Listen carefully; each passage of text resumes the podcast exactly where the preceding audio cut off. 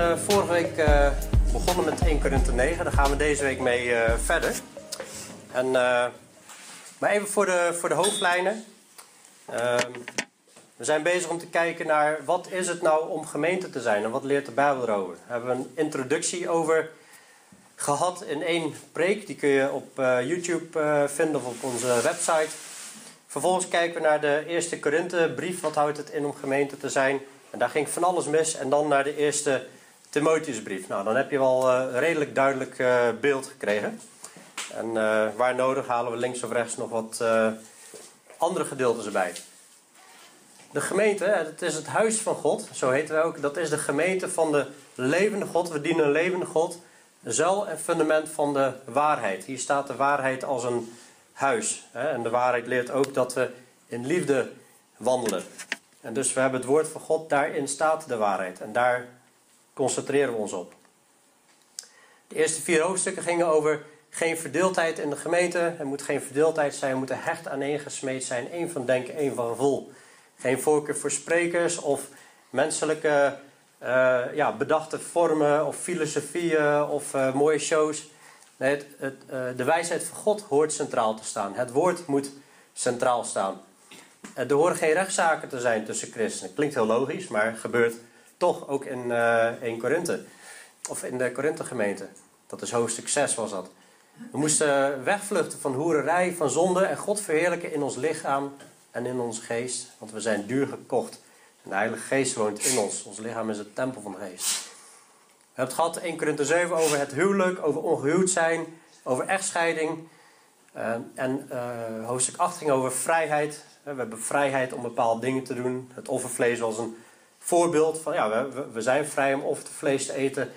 Als jij meent dat een afgod niks is. Want er is maar één God. Maar als iemand er moeite mee heeft, als het een, een struikelblok opwerpt, dan moeten we het niet doen. want het moet wel hand in hand gaan met de liefde. De rechten en de vrije. Je hebt rechten en je hebt vrijheid, zeg maar. En vorige keer hebben we het gehad over financiële ondersteuning van arbeiders in het evangelie. En Paulus houdt zichzelf, haalt zichzelf als voorbeeld aan. Maar we hebben ook gezien dat dat ook geldt voor ouderlingen. En um, nou, in ieder geval, dat is uh, heel beknopt wat we tot nu toe besproken hebben. En vorige keer hebben we het gehad over uh, um, ja, zes argumenten die Paulus aandraagt waarom arbeiders ondersteund zouden moeten worden. En in zijn geval verdedigt hij, uh, nou, ik ben een apostel, andere apostelen, andere voorgangers worden ook ondersteund, waarom ik niet? Het tweede uh, argument wat hij aanhaalt, het is toch normaal dat je betaald wordt voor een baan. Als een soldaat arbeidt in het leger, hè, dan uh, moet hij ook niet een, een, bijbaan hebben om nog zijn kosten te verdienen. Ook hebben we gekeken naar uh, de wet. Wat zegt de wet? Haalt hij aan als argument, argument. Want hij zegt, een dorstende os moest je niet melkorven. Een os die aan het werk was. Hebben we uitgelegd hoe dat werkt met een dorstvloer. De arbeider is zijn loon waard. Als een os hard aan het werk is, moet je niet een melkkorf opzetten en dat hij niet mag eten van die koren. En een uh, ander argument, vierde argument was: het is een recht wat hij heeft. Hij maakte er wel geen gebruik van om het evangelie kosteloos te houden en er geen hindernis op te werpen. Een vijfde argument wat hij aanhaalde, dat was: vroeger had je de tempeldienst, dus het was normaal in het huis van de heren dat de arbeiders betaald werden. En dan als zesde argument zegt hij: uh, en zo heeft de Heer ook met het oog op hen die het evangelie verkondigen opgedragen dat zij van het evangelie leven. Nou, toen hebben we gezegd, gaan we volgende keer uh, verder. We gaan ook verder met vers uh, 15, maar er zijn eerst nog een paar andere dingen die ik wil bespreken, die in, op mijn hart kwamen om nog te, te delen over dit onderwerp. Ehm, bijvoorbeeld een vraag die ik veel krijg van tiende en andere giften. Moeten die nou naar de plaatselijke gemeente of niet? Of ja, kun je een tiende van je tiende hier uh, delen en de rest uh, ergens anders? Nou, dat kan van alles natuurlijk. Uh, ik geloof dat het een Bijbels principe is dat je je tiende brengt naar de plaatselijke gemeente. Hè? onder andere omdat, hier staat bijvoorbeeld, hè, zij die de tempeldienst verrichten, die eten van het heilige. Ook zegt hij in vers 11, haalt hij aan als wij bij u het geestelijke gezaaid hebben, is het dan te veel uh, als wij van u het stoffelijke oogsten. Ik geloof dat dat principes zijn, dat die, daar waar je voeding krijgt, daar mag je ook delen met je, met je middelen, zeg maar. Zodat ook die gemeente gebouwd kan worden. Je zag ook in het Oude Testament dat je natuurlijk, de tempel was in Jeruzalem, maar later kreeg je Levieten steden door het land heen. En daar werden ook de Levieten onderhouden door de bevolking. De bevolking onderhield de gemeente, hè, zodat de vaste lasten en zo allemaal betaald konden worden. Um, ja, dus hij, hij, maakt eigenlijk vergelijk met uh, de tempeldienst van toen. Dat is nu eigenlijk hè, de, de, verkondiging van het evangelie en hun die arbeiden het evangelie behoren ondersteund te worden. Volgens mij zegt hij eigenlijk met vers uh, eh, 11 min of meer van ja, het, het, het, restaurant waar je eigenlijk komt eten, daar uh, betaal je ook. Zeg maar. Het zou vreemd zijn als je bij een restaurant komt eten en je gaat ergens anders uh, betalen. dus uh, je, je, ontvangt het geestelijke, wat eigenlijk meer is dan het stoffelijke. Is het dan te veel om dan ook te delen in het stoffelijke. En in het, in het Oude Testament zie je natuurlijk ook, ze brengen hun tiende en dankoffers brengen ze naar, naar de Levieten. Maar daarbovenop zijn ze altijd vrij. Er wordt oproep uh, gedaan om ook voor de armen te zorgen. En één keer in de drie jaar werden er ook nog tiende apart gezet uh, voor de armen, de weduwen en extra voor de, voor de priesters, uh, zeg maar. En dus het is helemaal niet erg om daarnaast nog dingen te doen. En ja, goed, wij hebben op een gegeven moment, toen we nog bij een andere gemeente zaten en persoonlijk zendeling ondersteunden, hebben op een gegeven moment gezegd van, ja, we willen dat eigenlijk vanuit de gemeente doen. Is dat mogelijk? Nou, dat, dat was mogelijk. En dan wordt het een een collectief van de gemeente, wat, waardoor je ook een bredere draagvlak hebt. Een ander punt wat ik graag wil delen is, ehm, als het gaat over dat geven, uh, dat, is ook, dat zijn ook stappen in geloof. Uh, dat, dat, dat moet je niet doen omdat je het idee hebt dat uh, ik dat opdraag of zo. Maar dat zijn dingen die we doen vanuit het geloof. En dat is vertrouwen in de Heer. Dat wij iets vanuit wat God heeft gegeven, dat we dat weer teruggeven. En wij wandelen door geloof en niet door aanschouwen, niet door wat wij zien. Die vrouw die die twee muntjes gaf, waar we het over hadden, hebben gehad, zeg maar, die deed dat echt vanuit geloof. Die gaf heel haar levensonderhoud, zeg maar. En uh, dat kon ze alleen maar doen omdat ze geloof had in de, in de Heer, dat Hij wel zou voorzien in haar, zeg maar. En we halen heel vaak dat vers aan: vertrouw op de Heer met heel je hart en steun op je eigen inzicht niet. Ken Hem in al je wegen. Al je wegen is ook hè, je financiële wegen, zeg maar, je financiën dan zal hij je paden recht maken. En het mooie is dat dit, vers, dit, dit gedeelte gaat verder. Daar kijken we bijna nooit, nooit naar. Maar hij zegt: Wees niet wijs in je eigen ogen. vertrouw dus op de Heer en wees niet, ga niet je eigen weg. Vrees de Heer en keer je af van het kwade. Het zal medicijn zijn voor je navel en verfrissing voor je beenderen. En daar rust een zegen op, hebben we ook in het Nieuwe Testament gezien. over het, het uh, karig zaaien en, en, en karig maaien. En zegenrijk zaaien zegenrijk oogsten. En dan staat er, dat vind ik zo mooi, vereer de Heer met je bezit. En dat zullen we verderop in de preek ook nog zien. De Heer vereren, dat is, dat is aanbidding. dus dat wat God jou geeft, als je daar weer iets van teruggeeft, dat is ook een onderdeel van jouw aanbiddingsleven. Je lichaam stellen als een heel, als een levend offer. Daar, daar horen jouw middelen horen daar ook bij. De Heer vereren met je bezit met de eerstelingen van heel je opbrengst. Niet de restjes die op het eind van de maand over zijn, maar met. ik, ik geloof dat, dat God leert in het Oude Testament, wat hij hier als principe aanhaalt. En daar, daar hadden ze de oogst en dan werd het, de eerste uh, vruchten werden gewoon uh, gebracht naar de levieten. En dan brachten ze dan de, de tiende. En niet pas de, de, de, ja, de restjes of de afgekeurde uh, vruchten van de, van, van de oogst, zeg maar. Dan zullen je schuren gevuld worden met overvloed en je perskuipen overlopen van nieuwe wijn. Daar rust een, een, zegen op. En ik, wil, ik wil hier niet in doorslaan zoals uh, welvaartspredikers doen. Tegelijkertijd moeten we uh, ook gewoon prediken wat het woord zegt. Dat is altijd de, de, de list van de Satan, is dat hij doorsla, mensen laat doorslaan dingen en dan, en dan krijg je het gevoel, oeh, daar moeten we ons van afzetten. Moet je ook maar het risico is weer om, de, uh, ja, een beetje, een beetje rare uitdruk, maar om het kind met de badwater weg te spoelen, zeg maar. En, uh, maar het is, uh, er staan wel dingen. En dit is, hier zou je nog kunnen zeggen, dat is het Oude Testament. Maar dit is niet het verbond wat Salomo spreekt, maar dit is gewoon de wijsheid van God die, die is ingegeven. Gewoon algemene wijsheden. Maar ja, wat zie je toch wel vaak gebeuren? Vooral we Nederlanders zijn er goed in Nou Henk, als ik jou doop, alles wordt ondergedompeld, dat behoort tot God. Nou, dan worden ze ondergedompeld met een buidel geld boven water.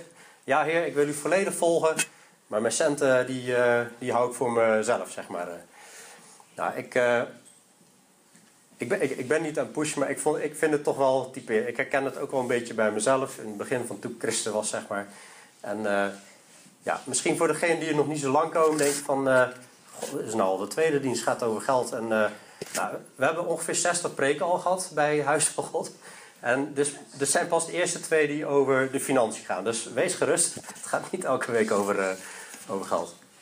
Maar dit, dit, het, het, zijn wel dingen die de, die, de, die de Bijbel leert. En die in 1 Korinthe 9 toch wel erg sterk uh, naar voren komen. En ik kreeg best wel op mijn hart om, om, om ook Matthäus 6 erbij te halen. En uh, ik, twijfel nog een heel klein beetje. Moet ik dat nou brengen, Heer, vanmorgen? Maar het eerste vers wat vanmorgen op mijn scherm tevoorschijn kwam was Matthäus 6, vers 33. Seek first the kingdom of God. Dus wil ik heel even naar kijken vond ik wel een uh, bevestiging van de Heer van gewoon doen. En dat is eigenlijk Jezus' allereerste preek. En dat gaat ook over je bezittingen. Hoe ga je daarmee om? Hoe moet je je bezittingen zien? En het vertrouwen op de Heer daarin. En vooral dat we niet bezorgd moeten zijn. Dat zijn enorm bemoedigende woorden. Eerste preek van Jezus, waar hij waar eigenlijk allemaal basisbeginselen uitlegt over je christelijke wandel. Matthäus 6, vers 19. Verzamel geen schatten voor u op de aarde. Waar mot en roest ze verderven. En waar dieven inbreken en stelen. Hij maakt gelijk een statement. Alles wat je hier in bezit hebt, dat vergaat. Heeft eigenlijk geen waarde. Ja, wel voor nu even om wat dingen aan te schaffen, maar heeft geen eeuwigheidswaarde. Maar verzamel schatten voor u in de hemel. Waar geen mot of roest verderft. En waar dieven niet inbreken of stelen. Nou, hoe doe je dat nou? Schatten verzamelen in de hemel. Nou, dat is, dat is onder andere door je middelen beschikbaar te stellen voor de Heer. En, en je hart niet over te geven aan al die aardse schatten. Want waar uw schat is, daar zal ook uw hart zijn. Dus als jouw schat al allemaal aardse bezittingen zijn of carrière, dan zal daar ook jouw hart zijn. Als jouw hart verknocht is aan de, aan, aan de zaken die zullen vergaan, dan, zal jij ook vergaan. Dat verhaal van die rijke jonge man die op een gegeven moment Jezus wilde volgen, maar zijn bezitting niet kon verkopen. Zijn hart was daar. En dan kan je Jezus niet volgen, dan kun je niet bij hem horen. Maar is ons hart bij de hemelse dingen, bij de dingen die van boven zijn, verzamelen schatten in de hemel, dan zal ons, ook ons hart zal daar zijn. De lamp van het lichaam is het oog. Als dan uw oog oprecht is, zal uw lichaam verlicht zijn. We hebben laatst ook al kort besproken dit vers.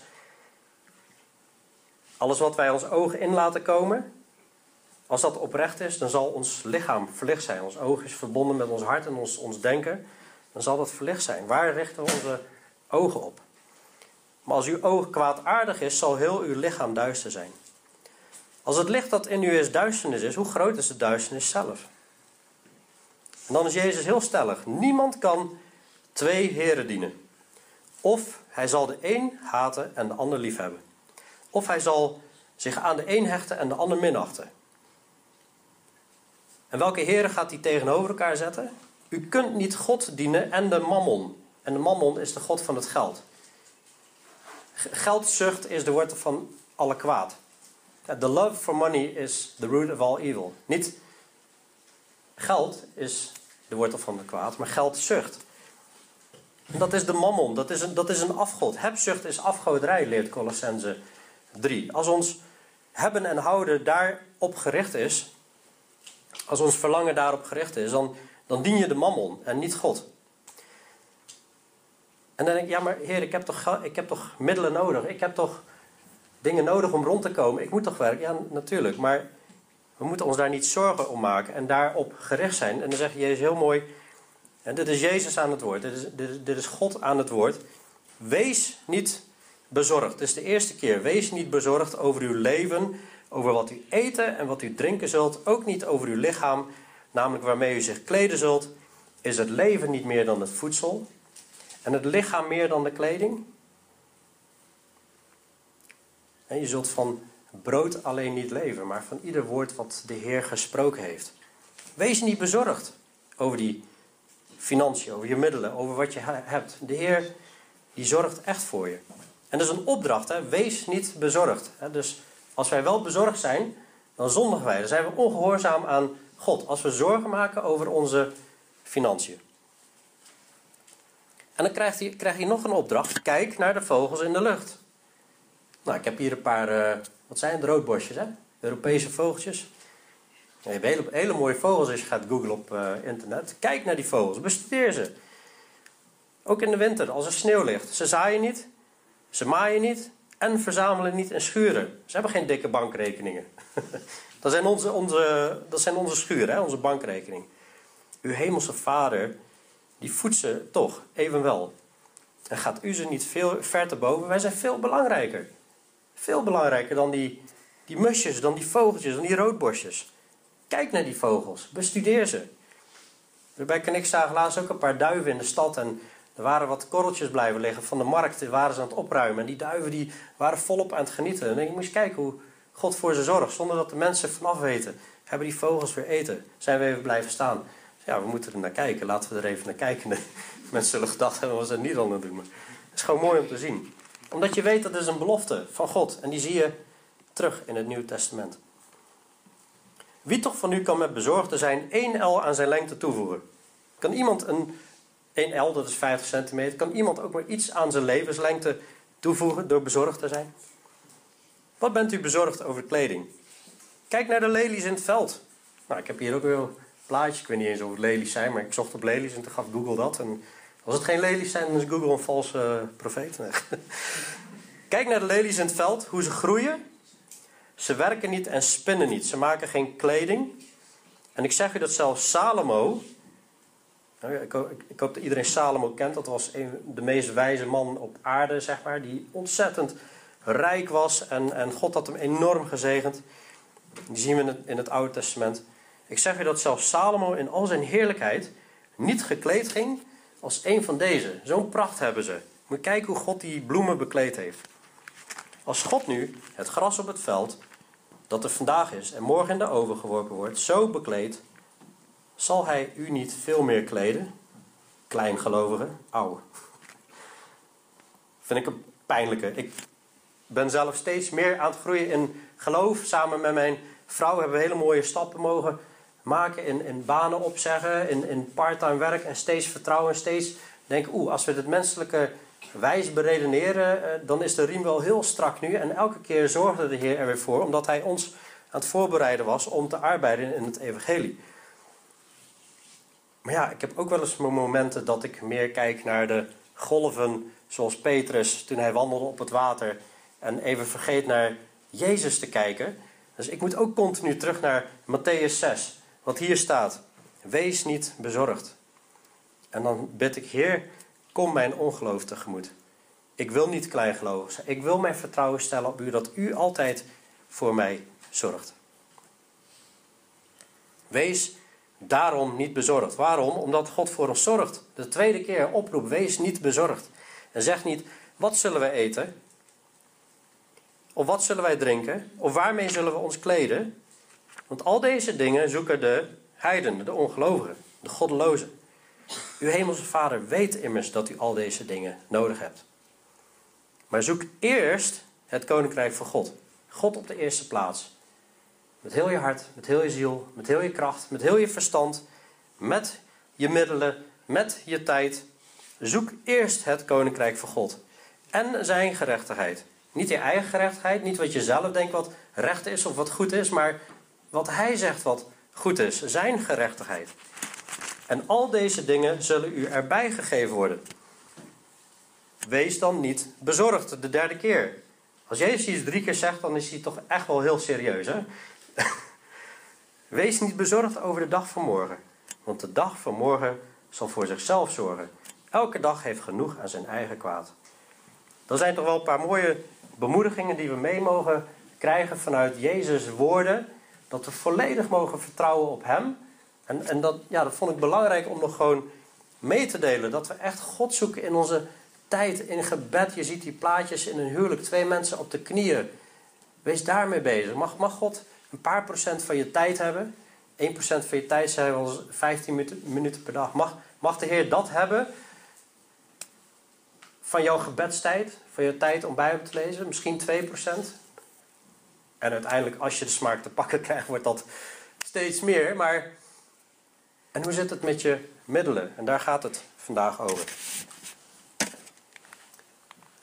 Um, voordat we verder gaan met, met 1 Korinthe uh, 9, we kwamen net, net al tegen. Het is de Heeren vereren met je bezit. Dat is, een, dat is een stukje aanbidding. En dan zie je in de Filipijnse brief ook. De, de dat was een, een, gemeente, ook weer in het noorden van Griekenland. Korinthe zat in het zuiden. In het eh, noorden zat Griekenland. Het was een van de gemeentes die Paulus ondersteund hadden. Een van de eersten. En de Filipijnse brief is eigenlijk een hele bemoedigende brief. Heel veel brieven zijn stevig vermanend. De Filipijnse brief niet. En dan zegt Paulus het volgende. Ik weet wat het is vernederd te worden. Ik weet ook wat het is overvloed te hebben. In elk opzicht en in alles ben ik ingewijd. Zowel in verzadigd te zijn als honger te lijden.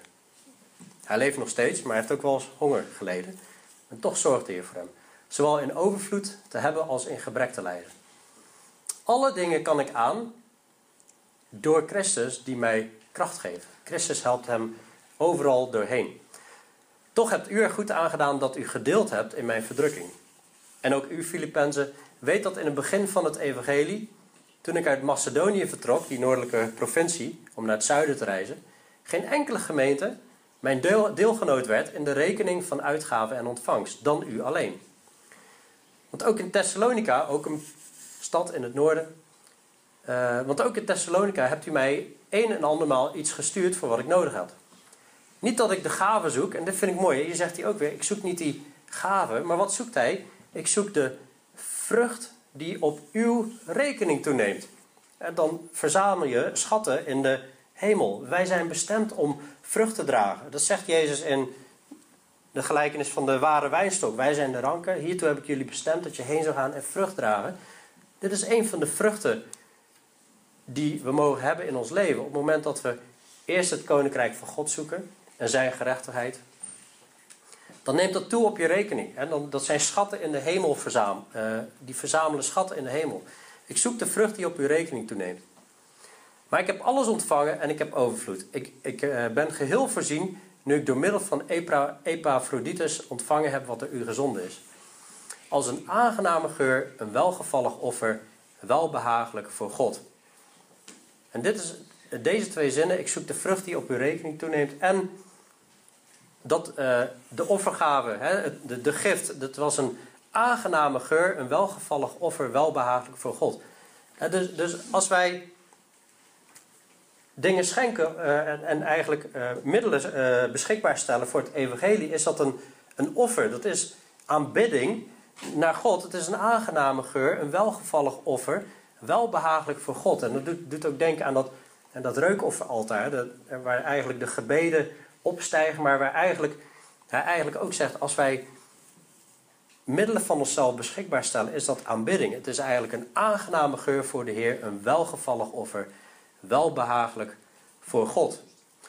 Maar mijn God zal u overeenkomstig zijn rijkdom, en geloof me, God is rijk, hij heeft de hemel en aarde geschapen, het heelal, al die sterren, alle vruchten, alle geboortes, dus allemaal aan hem te danken. Hij is enorm rijk voorzien van alles wat u nodig hebt. Ik zeg niet dat je per definitie rijk wordt, maar hij kan echt wel voorzien. Voorzien van alles wat u nodig hebt in heerlijkheid door Christus Jezus.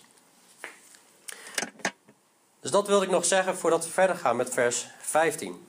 Ja, dus het is belangrijk dat we het vanuit geloof doen. En belangrijk te zien, als wij iets geven, dan is dat geen verlies, maar winst. En God zorgt voor ons.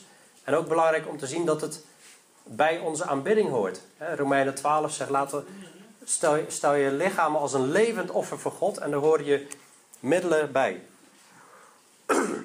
1 Korinther 9 vers 15, daar zegt Paulus, gaat hij verder. Nou, ik had, ik had recht op dat geld, ik heb dat beargumenteerd, maar ik heb, geen gebruik, ik heb er geen gebruik van gemaakt. En ik schrijf dit niet opdat dit mij alsnog ten deel zal vallen. Ik, zeg niet, ik schrijf dit niet zodat jullie nu alsnog mij met terugwerkende kracht gaan betalen. Want ik zou liever sterven dan dat iemand mijn roem van zijn inhoud zou doen. Beetje lastige zin, maar ik geloof dat hij daarmee bedoelt dat je zijn motieven niet in twijfel kan trekken. Het was voor hem een eer om te kunnen zeggen: Ik heb dit kosteloos gedaan. En als jullie nu mij met terugwerkende kracht zouden betalen, dan ontneem je mij van die roem. Als ik het evangelie verkondig, vers 16, is er voor mij namelijk geen reden tot roem. Waarom? In, de volgende zin zegt hij: De noodzaak daarvan is mij immers opgelegd.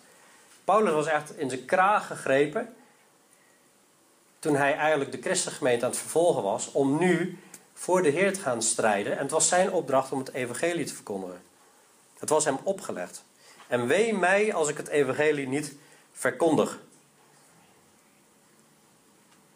Klinkt een beetje lastig, alsof het heel dwangmatig is, maar ik, ik, ik denk dat hij hiermee bedoelt. Je ziet later ook op een gegeven moment. Hij heeft, in Efeze heeft hij een gemeente gestart. Hij, heeft daar drie jaar, hij is daar drie jaar geweest. Twee jaar heeft hij onderwijs gegeven. Hij heeft de ouderlingen toegerust. En later spreekt hij die ouderlingen en hij zegt: Ik heb niet nagelaten u het hele raadsbesluit van God te verkondigen.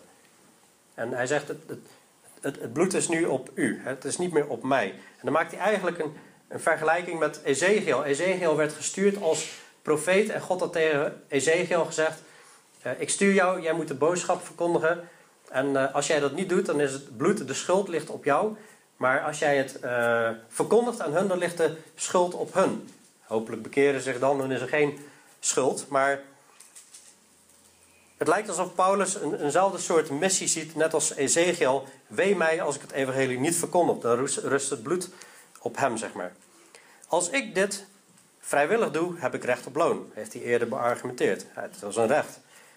Maar als ik het onwillig doe, en hij doet het natuurlijk wel willig, maar stel, hè, ik, doe, ik doe het alleen maar uit dwang omdat Christus mij dat oplegt, is het beheer van het evangelie mij toch toevertrouwd.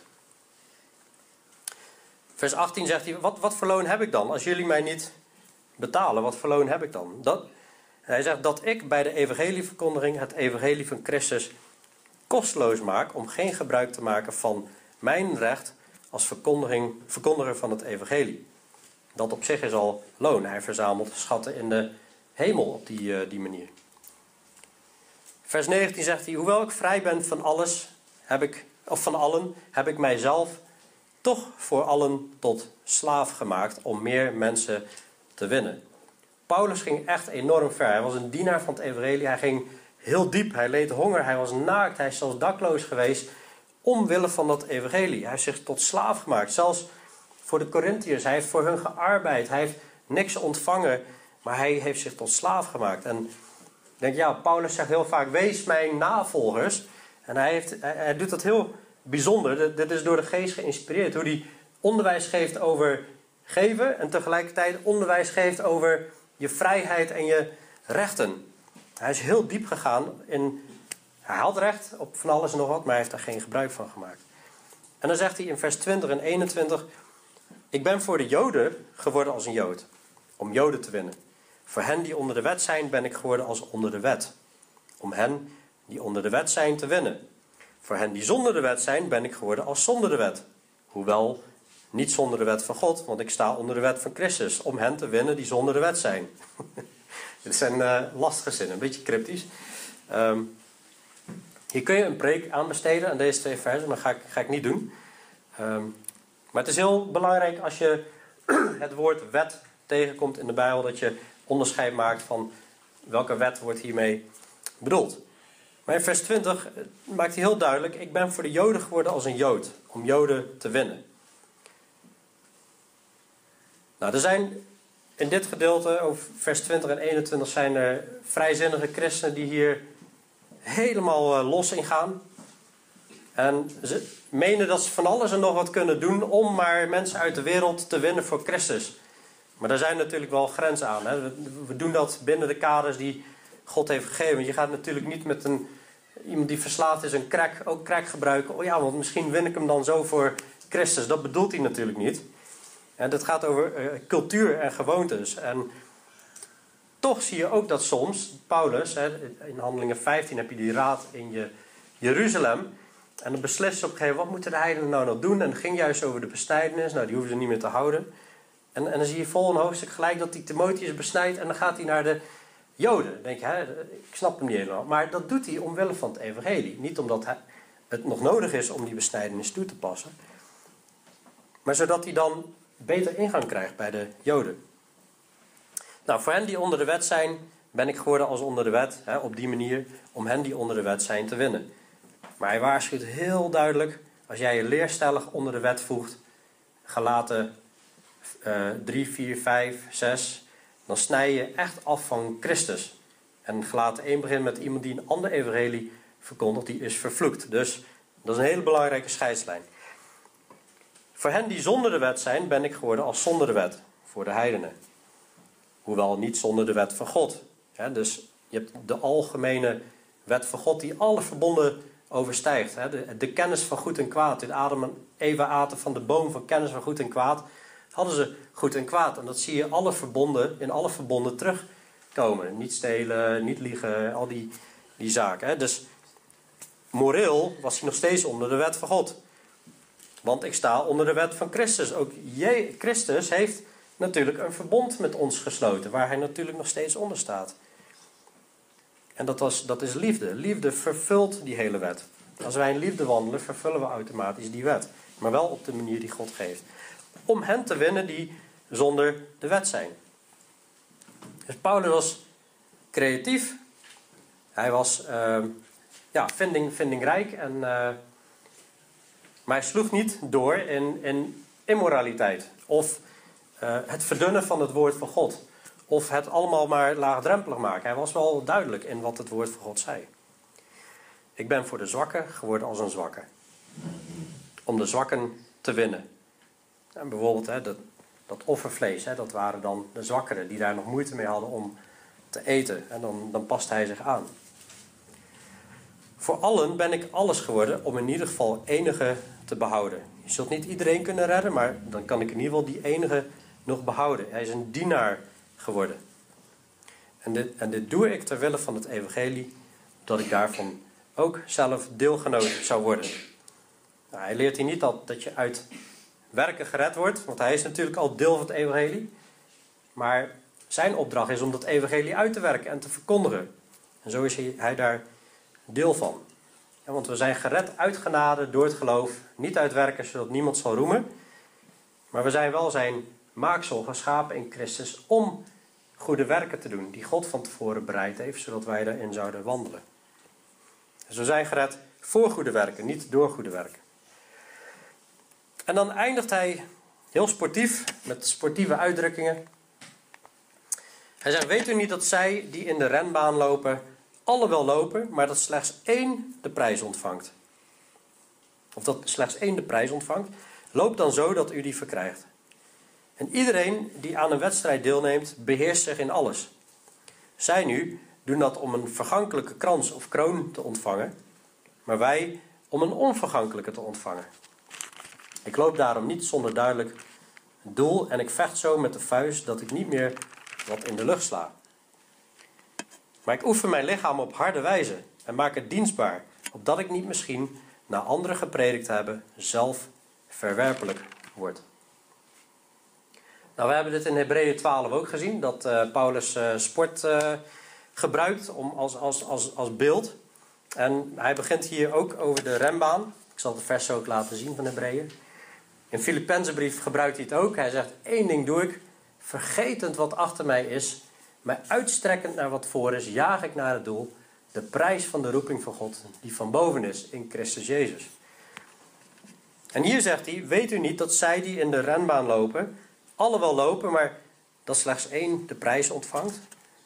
Loop dan zo dat u die verkrijgt. In een andere vertaling staat: loop als degene die hem verkrijgt. En we kunnen hem niet al, al, ja, er kan maar één winnaar zijn natuurlijk. Maar ik, ik geloof ook dat dit niet gaat om, om een sprint trekken, maar dat dat dit gaat om een, een lange marathon met uithoudingsvermogen, zeg maar.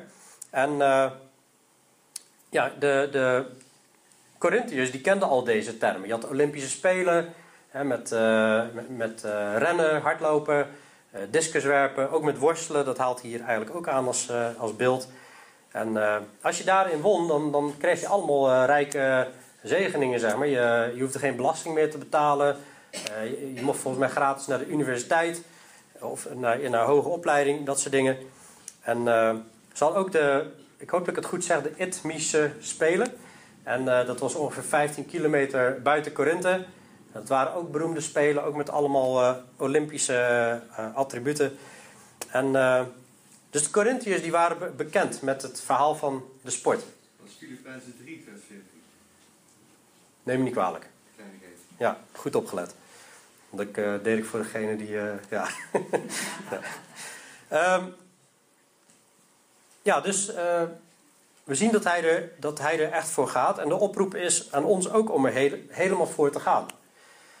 Um, te jagen naar het doel. En uit te strekken naar wat voor is vergeten wat achter is. En hoeveel christenen blijven niet hangen in het verleden of in dingen die tussen de oren zitten waar ze moeite mee hebben. Hij zei: vergeet alles wat achter je ligt. Vergeet eh, de moeite, vergeet de pijn, vergeet wat mensen je hebben aangedaan. Vergeet narigheid. Je leven begint opnieuw vanaf nu. Kijk naar wat voor je ligt. Jaag naar dat doel. op de manier zoals God het zegt. Jagen, dat is niet, ik kijk wel of het een keer van komt. Dat is jagen naar het doel, de prijs van de roeping van God, die van boven is, in Christus Jezus. Loop dan zo als degene die zou winnen. En iedereen, vers 25, die aan een wedstrijd deelneemt, beheerst zich in alles. Toen ik uh, nog bij uh, bouwbedrijf uh, werkte, hebben wij de topsporthal gebouwd in Papendal waar de beste sporters van het eh, land eh, komen. En die topsporthal moest helemaal ingericht zijn op de, de sporters. Er was ook een, eh, een, een restaurant voor de topsport. Waar mensen zouden inklokken. En dan kregen ze precies te zien wat ze zouden moeten eten. Wat voor hun ideaal zou zijn. En die mensen moeten ontzettend veel nalaten. Ook uh, Niklas, die hier geregeld komt. die, die is bezig met topsport, met zwemmen. En die moet zoveel nalaten. Die moet elf keer per week moet die trainen. Nou, dan, heb jij een ander sociaal leven dan wanneer je dat niet hebt. Je moet dingen nalaten. Je kunt niet meer naar elk feest. Je kunt niet meer uh, zuipen wat je wil. Je, je moet gewoon discipline hebben in je leven. En, en deze mensen die doen dat, moet je nagaan, zij doen dat om een, een kroon, om een prijs of om een medaille te krijgen die vergaat. Want we hebben gezien, mot en roest zal alles hier bederven. Maar wij, om een onvergankelijke kroon te ontvangen. Een kroon die niet zal vergaan. Om een prijs te winnen die niet zal vergaan. In 1 Korinthe 3 hebben we gezien. Je kunt bouwen met goud, zilver, edelmetalen. Of met hout, stoppels of stro. En dit is je goud, zilver, edelmetalen. Onze werken zullen door het vuur beproefd worden. En zelf zullen wij behouden wel worden, maar wel als door vuur. Zorg dat je een zegenrijke overwinning behaalt. Paulus zegt, ik loop daarom niet zonder duidelijk doel. Ik doe niet zomaar wat. ik vecht zo, of, of ik vecht zo met de vuisten dat ik maar wat in de lucht sla. Dat zou er een beetje raar uitzien. Nou, als iemand in een boksring staat en ja, of hij is aan het worstelen en die, die slaat om zich heen, maar ja, slaat continu uh, mis, zeg maar.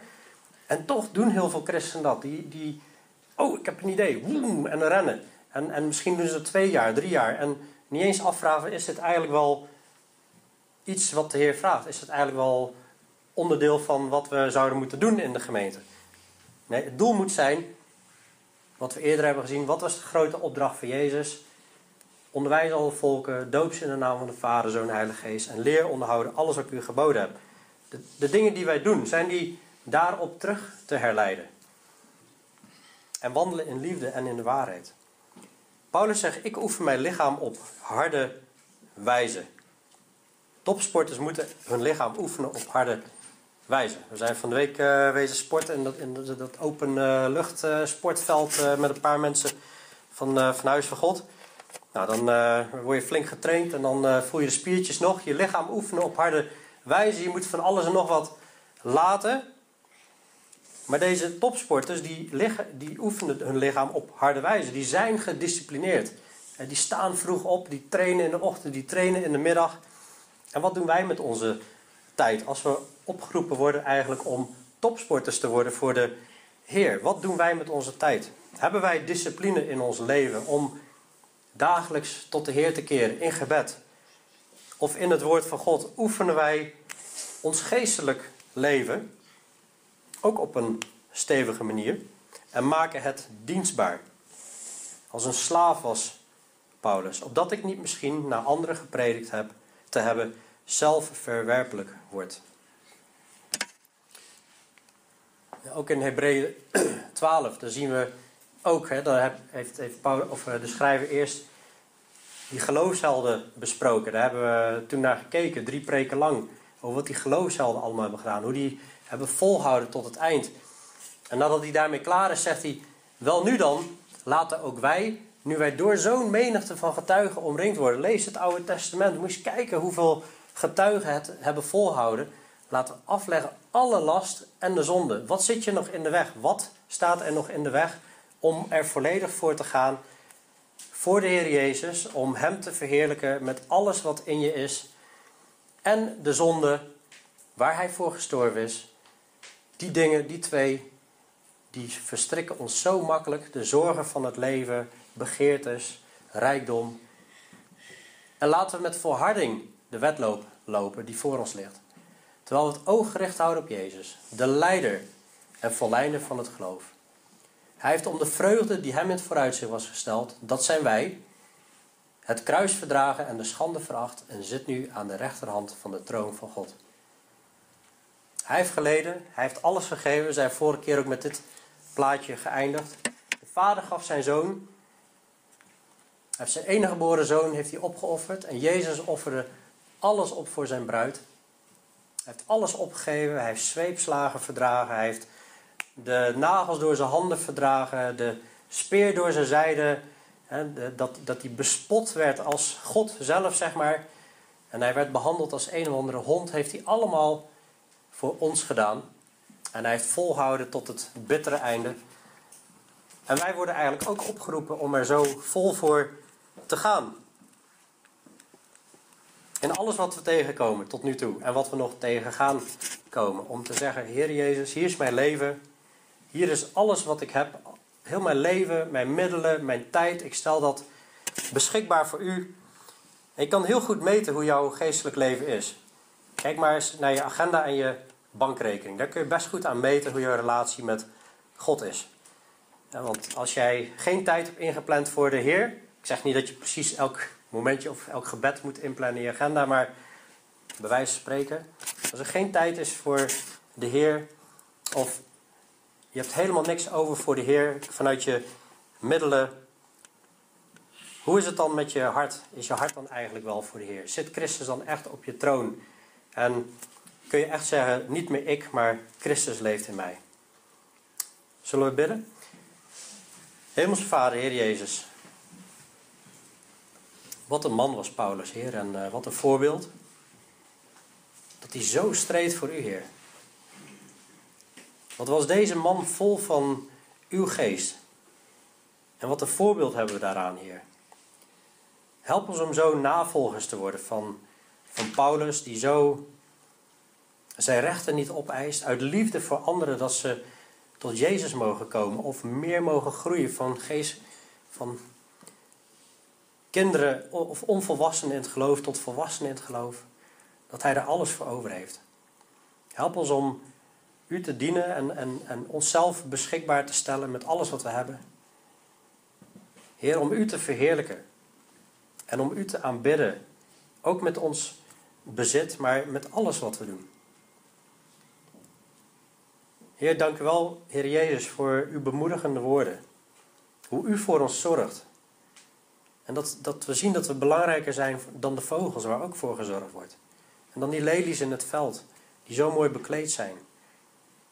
Help ons om niet bezorgd te zijn. En we danken u voor alles wat u geeft. We danken u dat we in een land wonen waar we zoveel mooie voorzieningen hebben. Maar bescherm ons hart dat we ja, niet de mammon gaan dienen in plaats van u. Heer, wilt u op de troon van ons hart gaan zetten, Heer. En als dat nog niet zo is bij iemand, Heer, wil ik u vragen, Heer, dat, uh, dat ieder zich vandaag weer volledig zal toewijden niet 50%, niet 60%, maar 100%. Want u vraagt om U vraagt aan ons om, om u lief te hebben met 100% ons hart, 100% onze ziel, 100% onze kracht en 100% ons verstand en onze naast als onszelf. Zegen ons daarin, help ons daarin. Help ons om, om ons te verblijden in u. En vul ons weer met uw blijdschap, Heer. En, en uw geest. En vrijmoedigheid om over u te spreken. Dank u voor alles wat u in uw woord zegt. En de, en de bemoedigingen, maar ook de oproepen.